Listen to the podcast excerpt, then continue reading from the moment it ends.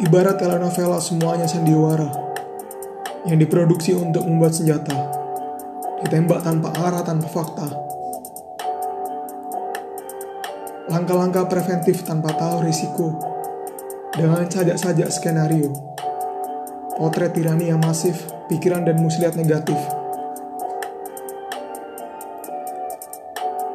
Seolah konformis mengubah sikap manusia tanpa interaksi dengan bahasa apa-apa media, bagaimana yang di desa.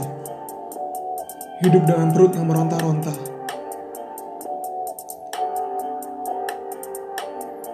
Tidak lagi linear dengan moral, tidak masuk akal. Sangkalan. Alasan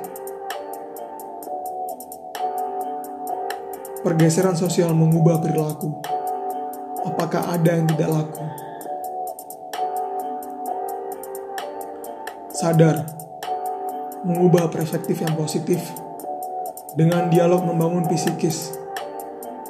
Hidup normal, angka-angka itu hanya statistik, bisa salah atau benar, mungkin politik. Yang pasti kita bisa petik mana yang baik.